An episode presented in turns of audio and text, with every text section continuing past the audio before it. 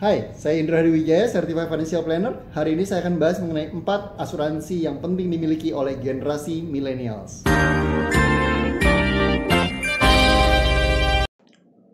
Yang pertama adalah asuransi kesehatan. Biaya pengobatan sakit demam berdarah atau usus buntu saja sudah bisa mencapai puluhan juta rupiah. Sayang kan kalau harus bayar pakai uang hasil kerja sendiri? Yang kedua, asuransi sakit kritis. Asuransi ini adalah cadangan biaya hidup selama perawatan sakit seperti kanker atau jantung yang biasanya makan waktu cukup lama. Ini bukan untuk biaya pengobatan. Yang ketiga, asuransi kecelakaan. Untuk jaga-jaga seandainya terkena kecelakaan yang menyebabkan cacat dan tentu saja berpengaruh pada kemampuan mencari nafkah.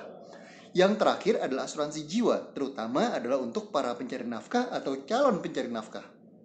Demikianlah empat asuransi pribadi yang penting untuk dimiliki oleh generasi millennials.